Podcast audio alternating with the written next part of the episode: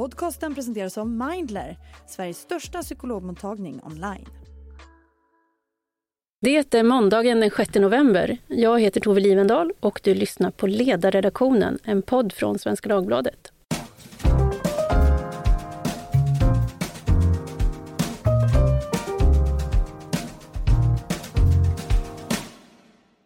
Det har varit höstlov och parallellt med både den vackra allhelgonahelgen och den mer grälla amerikanska halloween med sina pumpor, spöken och skelett har det på gator och torg runt om i världen kunnat ses uttryck för verkligt skrämmande företeelser. I sociala medier finns ett outsinligt flöde av bilder från sånt som ger mardrömmar dagtid, en högljudd anti-israelisk demonstration utanför synagogan i Malmö, som med tanke på valet av plats måste betraktas som ett hot mot judar. I Köpenhamn har demonstranter krävt att få styras av Koranen och islam och förorda jihad. På flera håll ställs judiska arrangemang in. Och mellan natten mellan lördag och söndag höll Hamas filmvisning för tusentals Gazabor i närheten av Al-Shifa-sjukhuset där man visade terrorattackerna mot Israel på en stor TV. I denna mörka tid har vi också drabbats av sjukdom på redaktionen, vilket gjorde att vi inte hade någon sedvanlig fredagspanel förra veckan, vilket vi förstås beklagar. Den här veckan tar vi nya tag och eh, därför så tänker vi att vi inleder veckan med att samla några ur ledarredaktionen för att sammanfatta veckan som gick och för att blicka framåt. Jag säger därför välkommen här i studion till mina kollegor Peter Wemblad, Mattias Svensson och Olof Ehrenkrona. Hej! Hej, hej! hej. Tack så mycket! Hej, hej! Hur har den gångna veckan varit? Har det blivit några trick or treat? Jag missade helt eh, det här med halloween eftersom jag befann mig i Tyskland på ja. höstlov. Och där firar man inte så? Ja, det gör man i och för sig, men, men eh, det var ingen som kunde ta sig in på och knacka på hotellrumsdörren. Nej. Olof, hur har din vecka varit? Ja, jag missade inte halloween för vi har faktiskt gett en halloween-skräckgirland till vår femåriga barnbarn Elmer. Oh. Mottogs den med skräckblandad förtjusning? Ja, jag var oerhört förtjust, inte så skräckslagen. Vilken tur. Mattias, din vecka den har varit eh, mer av skräck. ja, jag är ju förkylningsöverlevare. ja, men vi är väldigt glada att du sitter här nu. Ja, jo, det, det, jag, jag tvekade i helgen men, eh, men det blev bättre. Men det blev ett inställt eh, eh Ja, jag skulle ha sprungit eh, maraton i lördags men det blev det ju förstås ingenting av. Mm. Ja.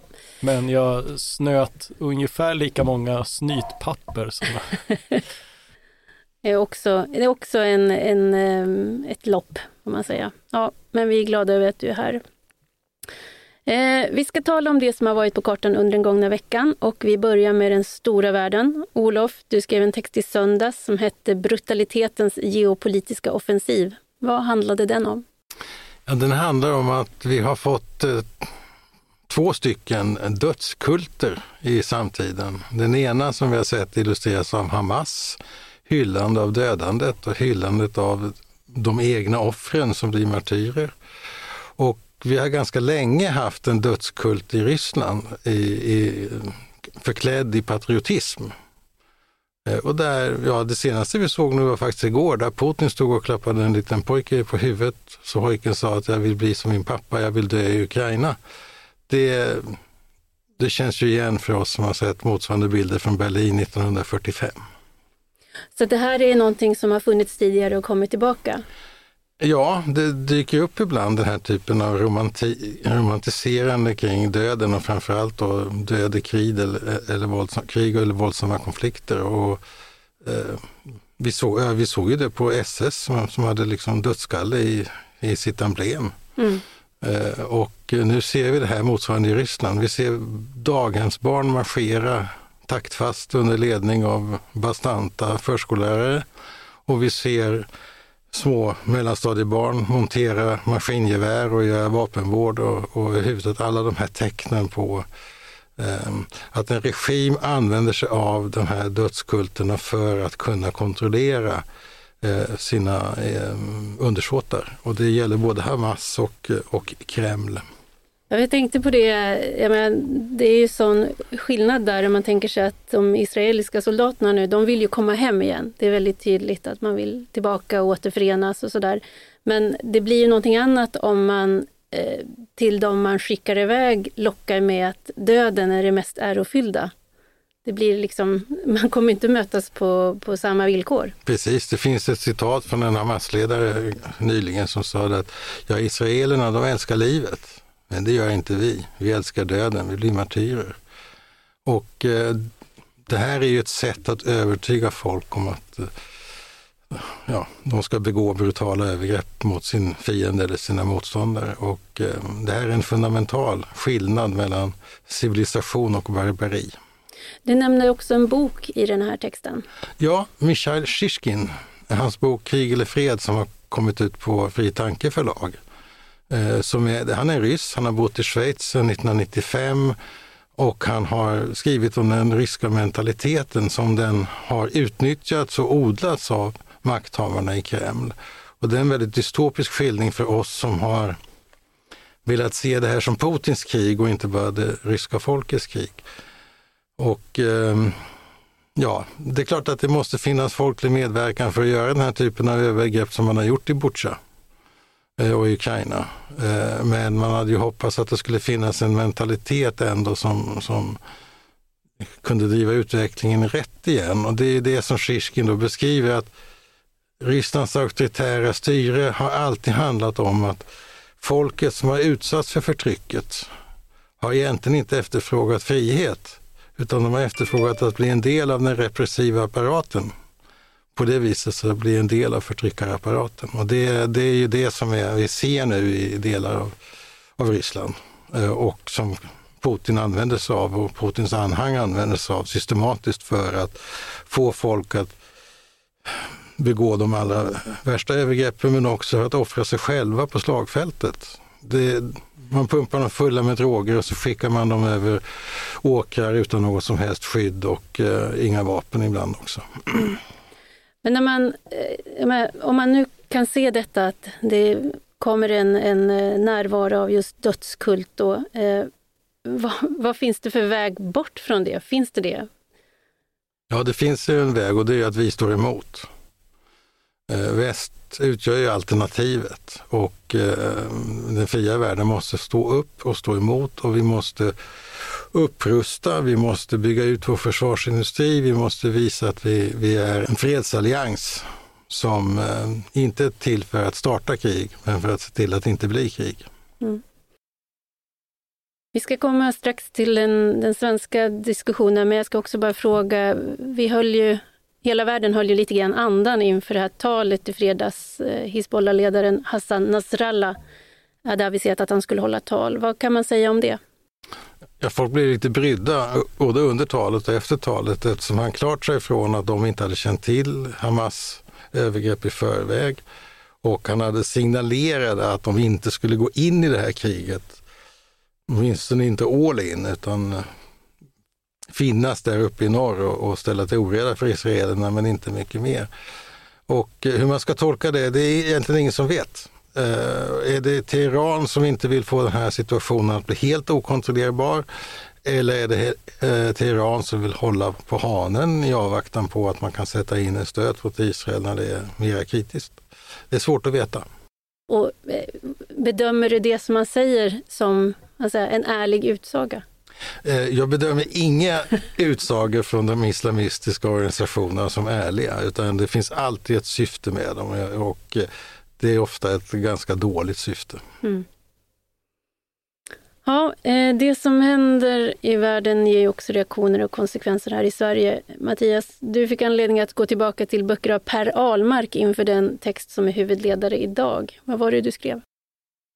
Ja, eh, det var ju alltså kring det här att, att liksom vi bevittnade ett av, av de mest bestialiska terrordåd som har begåtts. Eh, det, det, är svårt att ta in omfattningen men, men det är värt att, att, stanna i det. Över tusen döda, fler på en dag än, än någonsin sedan förintelsen eh, judar och, eh, och, och liksom hur man medvetet gjorde civila till mål, dansande ungdomar, eh, lemlästade små barn och liknande.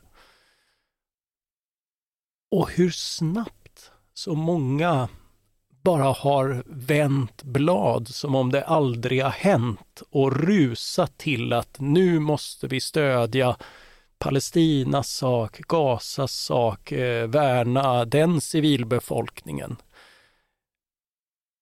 Och det är klart, det behöver värnas civilbefolkning där också. Det är alltid en tragedi när människor dör. Men att så fullkomligt kunna bortse från eh, den här terrorattacken och, och, diskussionen kring vad detta måste få innebära i termer av en nations rätt att försvara sig och att undanröja detta dödliga hot mot, mot hela befolkningen.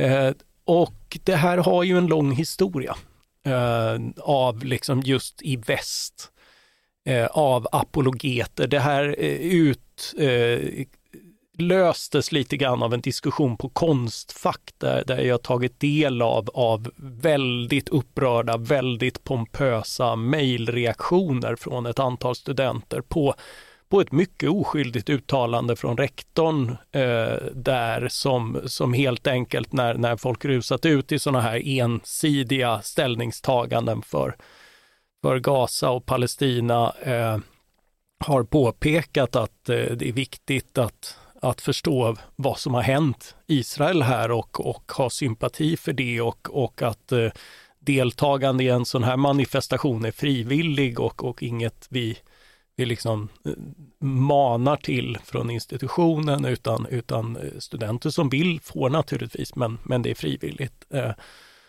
och, och, eh, det är viktigt att också ta avstånd från alla, all slags form av antisemitism. Och Eh, det gav liksom enorma upprördhet och uppbragthet och sådär. Och, och jag sätter lite grann det i en historia av att det finns till vänster och där kommer ju Per Ahlmark till som dokumenterat det här i Sverige men, men som ett antal internationella skribenter påpekat så, så samma mönster finns. Det är långt ifrån alla men, men intellektuella tunga röster i de flesta västländer har vid i stort sett varje eh, tidigare då mest kommunistiska, socialistiska massmord eh, haft en blindhet, men också en särskild eh, och Per Ahlmark var ju mycket tydlig tidigt med det. Redan i Vänstern och tyranniet så ägnas ju första stycket faktiskt åt, åt Israel och judarna och hur, hur det finns en, en särbehandling eh, av Israel som stundtals är antisemitisk och stundtals bara naiv, men, men en, en mycket uppenbar särbehandling där där deras aktioner ses eh, och värderas och omnämns som mycket värre än, än andra liknande. Ehm, eh, och, och det här ser vi nu också, det skapar just den här blindheten och, och då kan man ju förvisso landa i som då att, eh, ja, Per för alla sina eh, dokumentationer, de här intellektuella vi hade, de fick inte så stort inflytande på svensk politik, gudskelov. De, de kunde sitta i sina kulturinstitutioner och annat, men det var ofta långt bort som man var för eh, eller översåg med, med massmord och liknande. Det var inte nödvändigtvis så att man att man ville praktisera det här hemma, utan det var väldigt mycket inklusive ett, ett exotifierande och ett förstående av, av andra kulturer och sånt där. Liksom. Eh, men idag är situationen inte densamma, för vi har ju en förföljelse av judar i Sverige eh, och eh, en upptrappning i och med att vi har tagit emot många flyktingar människor som har flytt ifrån eh, det förtryck och den diktatur och det elände som eh, råder i de flesta muslimska länder. Eh, och man har kommit hit och man har fått en fristad här. Eh, men eh, har då liksom kvar eller sprider många, eh, inte alla, absolut inte alla, men, men många, tillräckligt många eh, har kvar de här värderingarna och ger utlopp för dem på sätt som inte bara är obehagliga utan direkt farliga. Eh, en, en källa till, till våld, förtryck, eh, att, att judar eh, har svårt att ja, ens gå till skolan, manifestera, ja, att, att leva sina liv i Sverige helt enkelt. Och, och, det här ser vi också över hela västvärlden. Och det gör att, att den här typen av överslätande vid akademier som i sig kanske ja, kan, kan avfärdas som löjeväckande, poserande, teoretiserande, den får ju faktiska konsekvenser och, och det är lite grann, det, det är sammanbindningen att det här, det är ingen seminarieövning längre utan, utan när de här värderingarna faktiskt ageras på i väst eh, så behöver de mot, ja, de behöver bemötas på ett helt, med en helt annan, eh, ja, resolut. Mm. Och eh, det är ju någonting som diskuteras här, hur man ska förhålla sig till det. I Tyskland så har ju de demonstrationerna pro-palestinska, men också där man då har skanderat hat och hot mot Israel lett till politiska reaktioner. Peter, du har ju följt det lite på plats, om man får så säga, i veckan.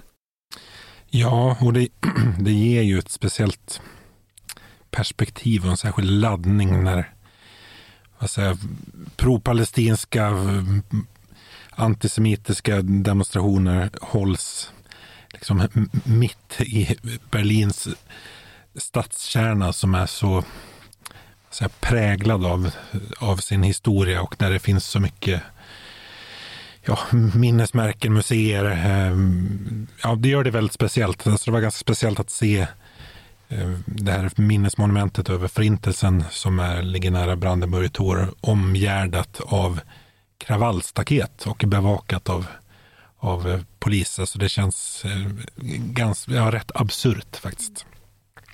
Men diskussionen i Tyskland eh, har ju rätt stora likheter med den svenska, alltså hur man ska förhålla sig eh, till den här inhemska antisemitismen och antisionismen. Men den får naturligtvis en helt annan laddning på grund av landets historia och det har gjort, mitt intryck var ju att det politiska svaret har varit betydligt mer resolut. Man kan ha olika uppfattningar om, om det svaret, men alltså politiken har tydligare markerat att eh, antisemitism och antisionism hör inte hemma i Tyskland i, liksom, i några former eller under några andra eh, paroller, vilket ju har inneburit en rad olika saker från att det är ett antal demonstrationer som inte får, får, tillstånd att genomföras. Man får inte eh, använda vilka symboler man, man vill i de demonstrationer som eh, genomförs. Man har förbjudit, eh, nu har jag naturligtvis glömt vad den organisationen heter, men samma organisation som Ung Vänster i Sverige till exempel har samarbetat med och som Vänsterpartiet i Göteborg har lånat ut sina lokaler till. Den är nu i förbjuden eh, i Tyskland, att verka i Tyskland. Mm. Eh, och, och då blir frågan, gör vi tillräckligt här hemma och vad kan vi göra? Olof, vad säger du? Eh, nej, jag tycker inte vi gör tillräckligt här hemma i den meningen att eh, det inte är en tillräckligt enig opinion eh, ibland de politiska eliterna till förmån för eh, dels Israels rätt att, eh, själv, till självförsvar, men framför allt inte mot den antisemitism som nu utropas ut på gatorna. Och jag är oerhört störd över, över att den socialdemokratiska partiordföranden och tidigare statsministern inte har förmågan att ta tag i den antisemitism som frodas, framförallt i Malmö, och som representeras av en riksdagsledamot eh, som eh, uppträder tillsammans med Hamas. Visserligen mot partiets direktiv, men ändå har gjort det.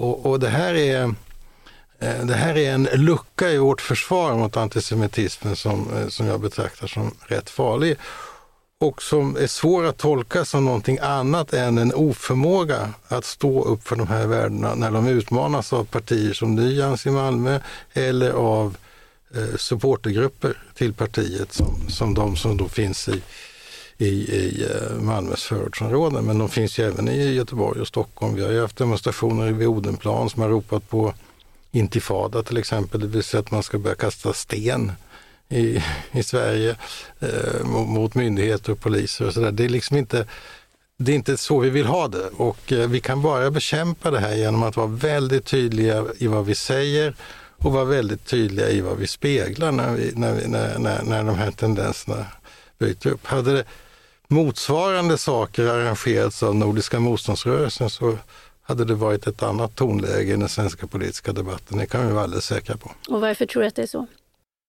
Ja, det är en tendens att relativisera eh, det, det palestinska motståndet mot, mot Israel och det palestinska, ska vi säga, den, arab, den antisemitism som har överlevt i arabvärlden under alla dessa decennier eh, och som man inte har tagit på, på riktigt allvar. Nu har vi sett nu har vi sett hur det går till. Alltså judar dödas för att de är judar.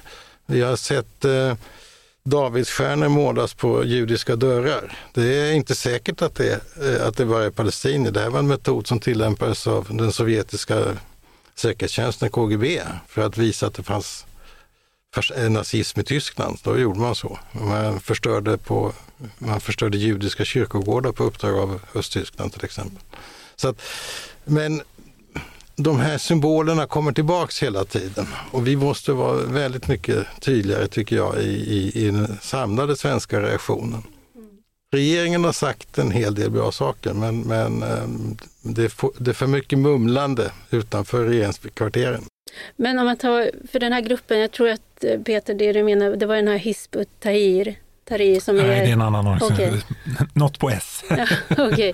men, men det här med att, att eh, förbjuda organisationer att verka och sådär. Eh, bör Sverige gå in mer mot den vägen? Vi har ju haft en sån diskussion återkommande, till exempel i den här podden, där vi försöker, man försöker balansera och hitta en balansgång mellan att vi ska ha, vi ska inte inskränka våra friheter för mycket och samtidigt måste vi skydda oss. Det finns ett dragläge där som är det svåra att hitta. Ja, vi har ju en ny terroristlagstiftning som ger möjlighet att, att eh, förbjuda medverkan i organisationer som uppmanar till terrorism och det menar jag att det, det kan nog bli fallet här.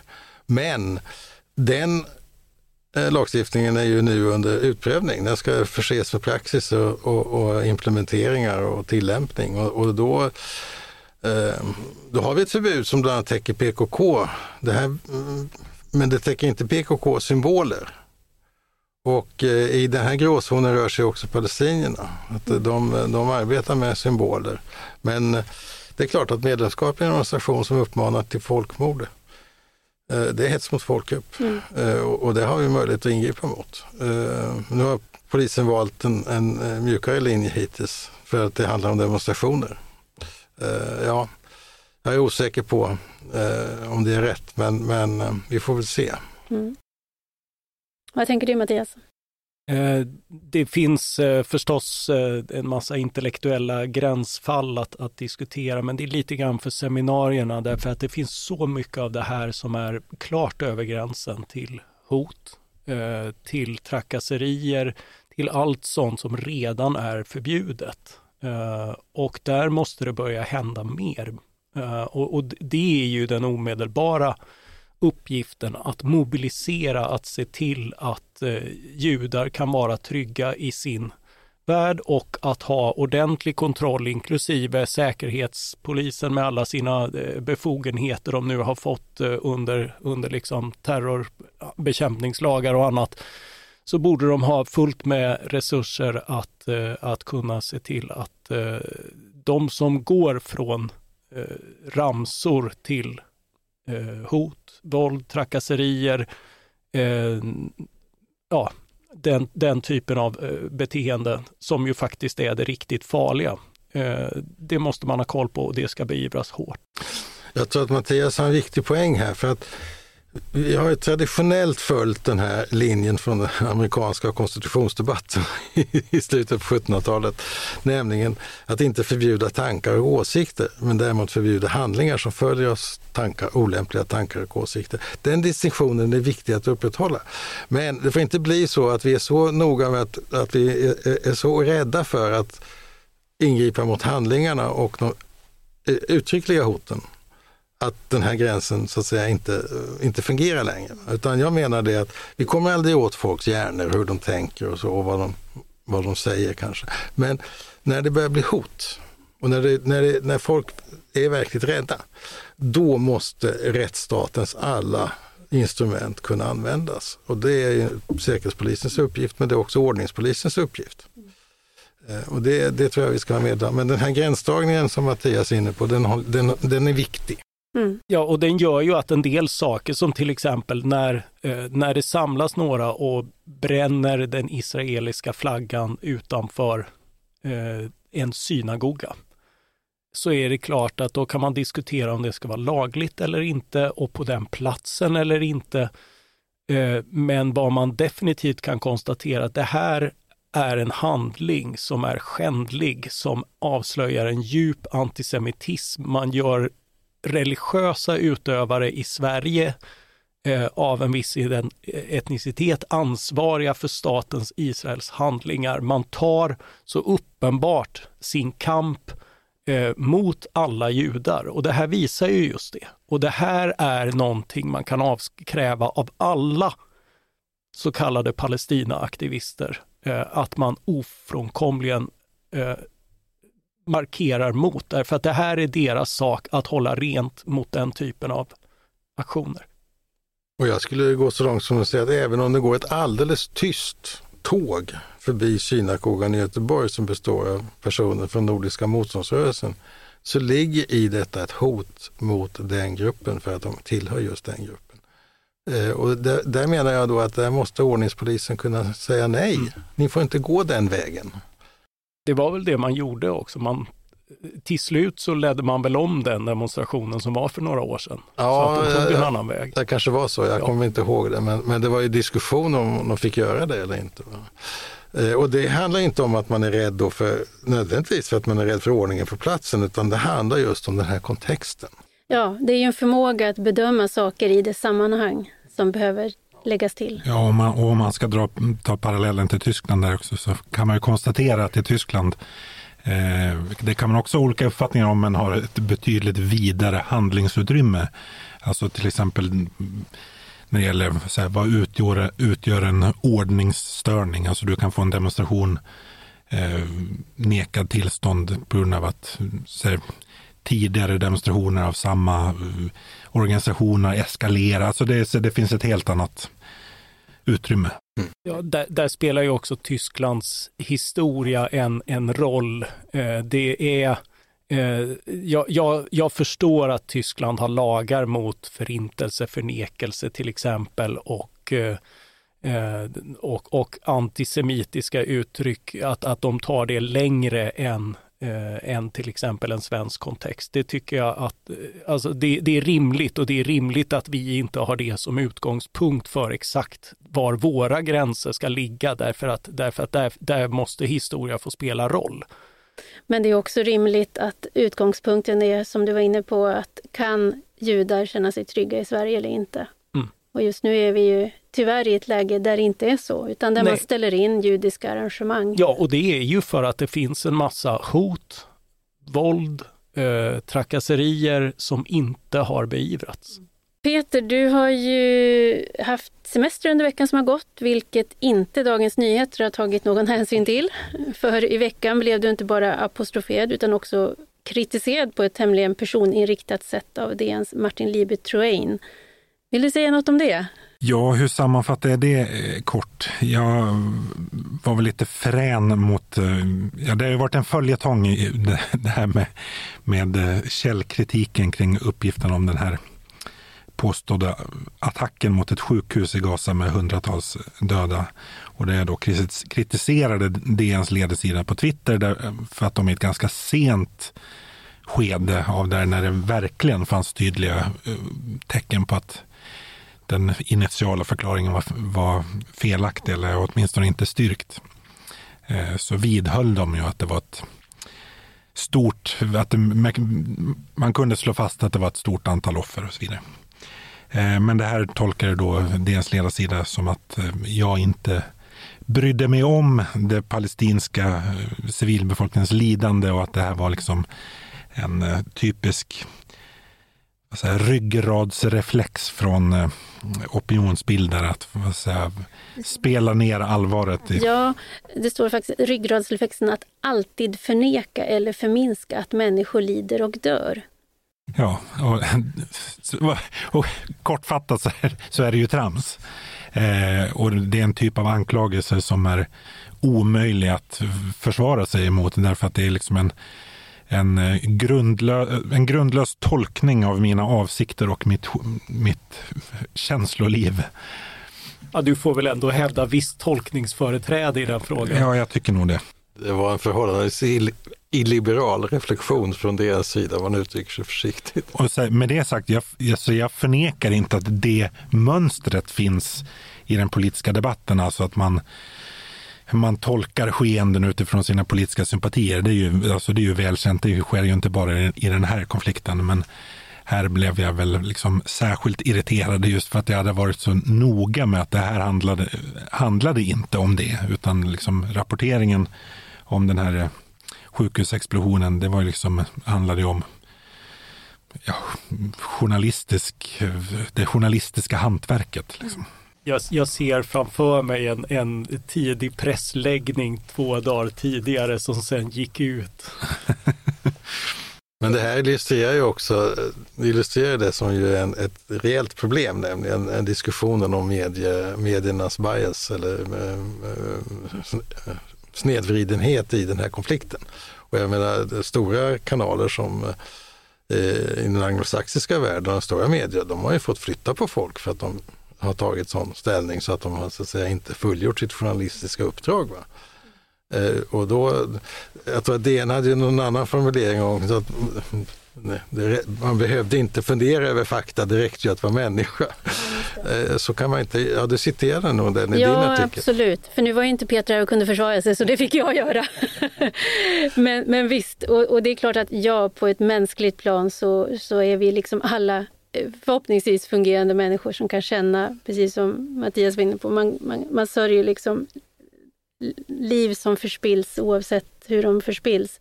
Men är man som både vi och Martin Liebetrain på en politisk ledarsida så behöver man ju, det är det av intresse att veta detaljerna kring en sån sak. Varifrån roboten avfyrades, eh, var det, vilket syfte den hade, om det var en, någonting som gick fel eller om det fanns en intention och så vidare. Det, det är rätt viktigt också för att sen kunna slå fast funderingar om hur fortsättningen kan se ut och hur lösningen, en eventuell lösning kan se ut. Så det... Och journalistiken har ju som uppdrag att följa den gamle Rankes ord om att man måste visa vad som faktiskt har skett. Ja, ja verkligen. Eh, så gott det går. Det här är ju liksom den tristaste och slappaste formen av opinionsbildning. Där man, alltså det är ju den klassiska halmgubben. Man mm. tillskriver någon avsikter och sen så gör man ner det. På den inrikespolitiska sidan då, eh, under veckan som gick, så har det varit en intervju i Expressen som har rönt en del diskussion. C räkna bort Kristersson från statsministerkampen stod det och det handlade då alltså om Muharrem Demirok som bestämde sig för att han har bestämt sig för att det är Magdalena Andersson och Jimmy Åkesson som kommer att vara huvudkandidaterna inför nästa val av statsminister. Och eh, det perspektivet har också lyfts i veckan av SVDs politiska analytiker Torbjörn Nilsson som undrar när Sverige ska se Åkesson som den statsministerkandidat Nilsson betraktar honom som. Själv fick jag anledning i veckan att diskutera saken i P1 Morgon med samtidens Dick Eriksson. Och vi tittade väl på frågan från lite olika vinklar som finns. Det ena är ju naturligtvis vad väljarna kommer att säga nästa val, vilket inflytande de ger Sverigedemokraterna. En annan fundering är ju vad SD-väljarna själva ser i sin röst. Eh, man, man ser, men det är ju ett parti som ändå har inte profilerat sig på att vara som alla andra utan någonting helt annat. Så att det är kanske inte så att man alltid har valt SD för man tänker att de har den främsta statsministerkandidaten utan för det här är ett parti som säger sanningar och kan röra om. Och sen är det då inte minst den frågan som är aktuell om man ska få bli statsminister, nämligen trovärdiga förmågan att bilda en regering om man får ett underlag. Om man inte då har fått 50,1 procent av, av rösterna. Så att jag funderar bara hur ni tänker kring det här eh, och inte minst också Centerns positionering Mattias, du har skrivit lite om det här i veckan och även vår krönikör Fredrik Johansson ska vi säga. Ja, eh, och det är ju det här liksom vad, eh, vad, att, att eh, vi i journalistiken kokar ihop scenarier bas, eh, baserade på opinionssiffror med tre år till ett val. Eh, det är lite grann ett, ett sätt att göra politiken intressant under en mellansträcka. Men att som politiker eh, ta det som ett, ett faktum och, och, och gå ut och, och, prata om det som ett faktum, det är ju Ja, det, är ju, det är ju att göra ett väldigt stort eh, självmål i det här. Alltså dels är det ju amatörmässigt, därför att man vet att så mycket kan förändras. Dels är det ju också, jag menar, Centern har gjort det till sin livsuppgift att, eh, att liksom bekämpa SD. Det har varit deras enda sakfråga, vilket i sig har varit ett problem. Eh, men nu ska man alltså lyfta dem och håsa dem redan, redan tre år före valet. Eh, det, det går ju inte riktigt ihop. Eh, och, och utöver det så är det eh, alltså rätt amatörmässigt om man ser till sakpolitiken och där delar jag ju eh, Centerns ungdomsbunds uppfattning att varför tog du inte chansen? Eh, att, att vara den här sakligt liberala oppositionen till en regering som definitivt skulle behöva en sån opposition i sak. Det finns en massa områden att kritisera, driva på, eh, pusha den här regeringen till eh, och det borde ju vara uppgiften för ett oppositionsparti tre år före ett val. Eh, inte att spekulera i eventuella personkandidater och annat. Eh, och eh, det finns ju så mycket att Eh, att göra och jag tycker också att det är, eh, det här är ändå partier som har regerat ihop rätt nyligen, som har en stor värdegemenskap i grunden. Det är därför det blir så grälsjukt, för vi vet ju liksom att politiken på väldigt många områden som borde vara starkare, eh, de, eh, de borde vara bättre. Allt ifrån det här, det, det, finns ju mycket att göra i, i de här områdena som regeringen har tagit sig an.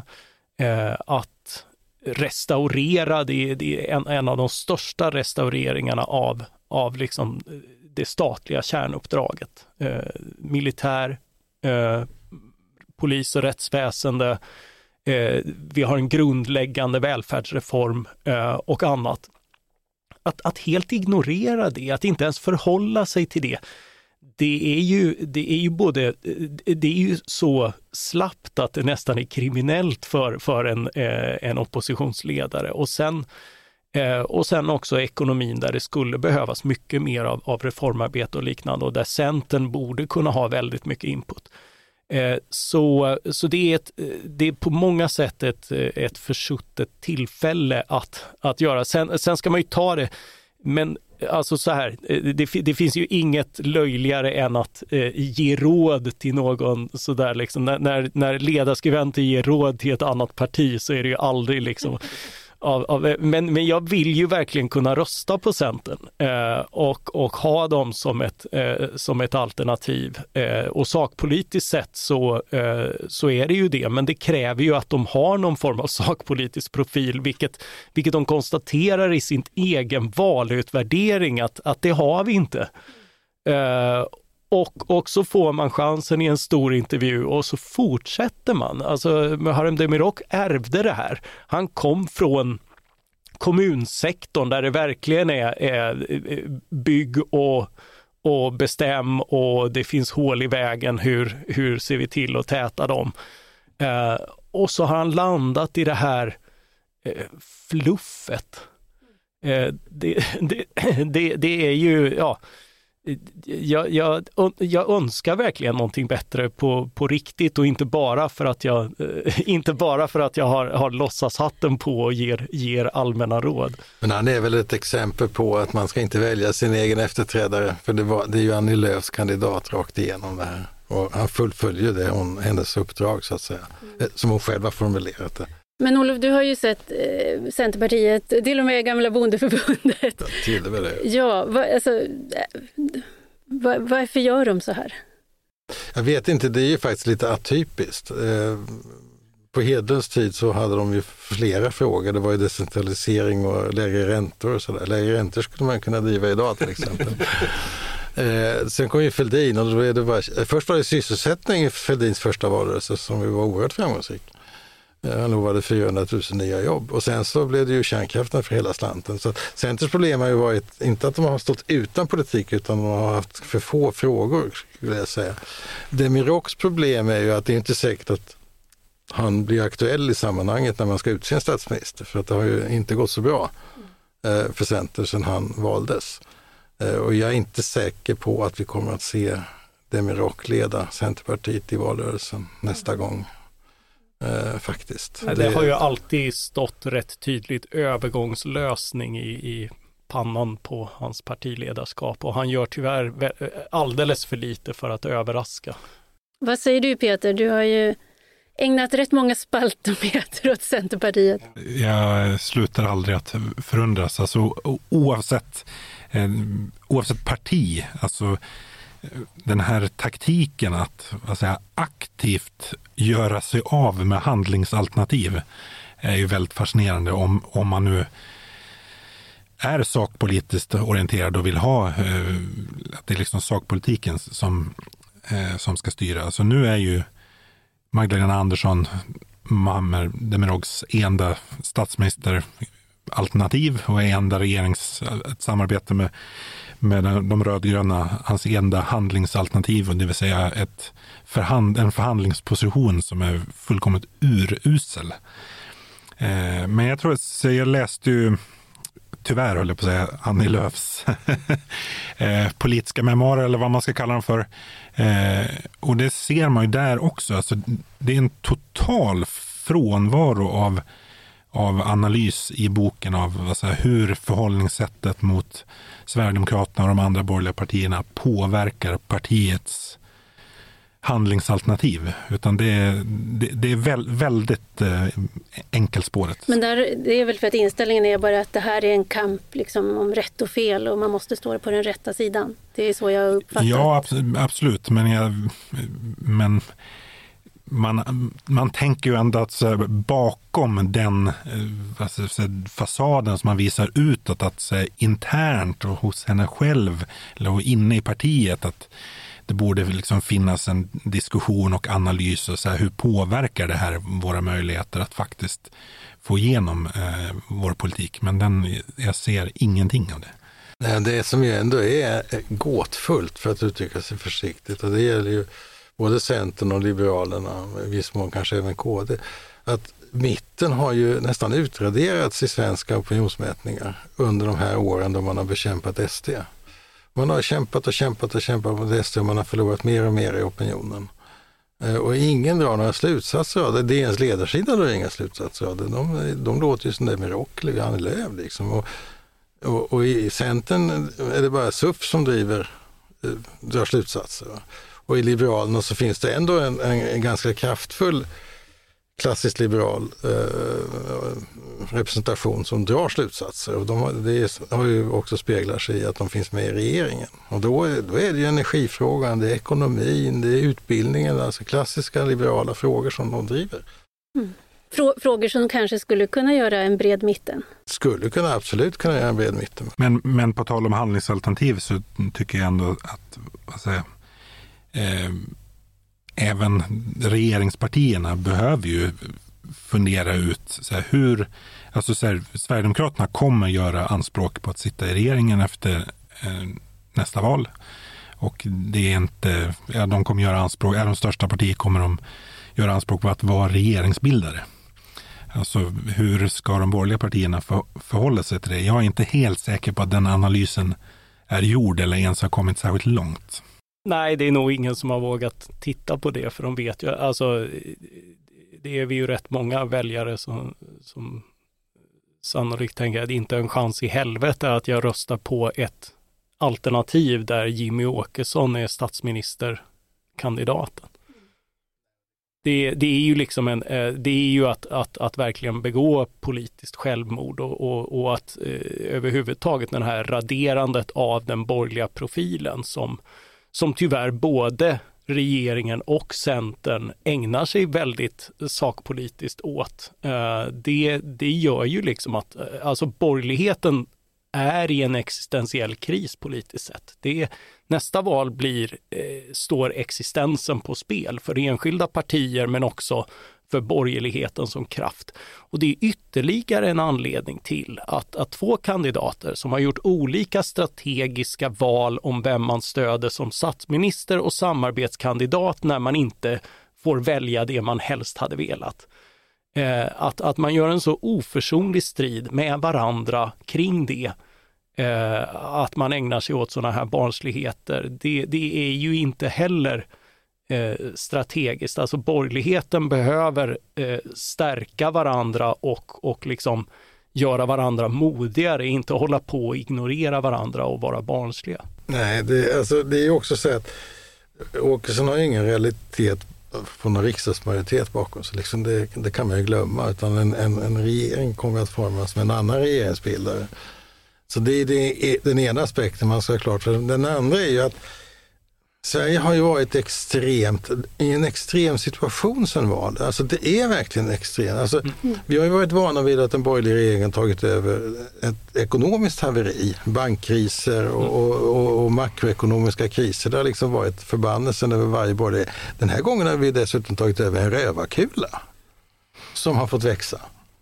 Med en kriminalitet som går utöver allting vi känner i svensk historia.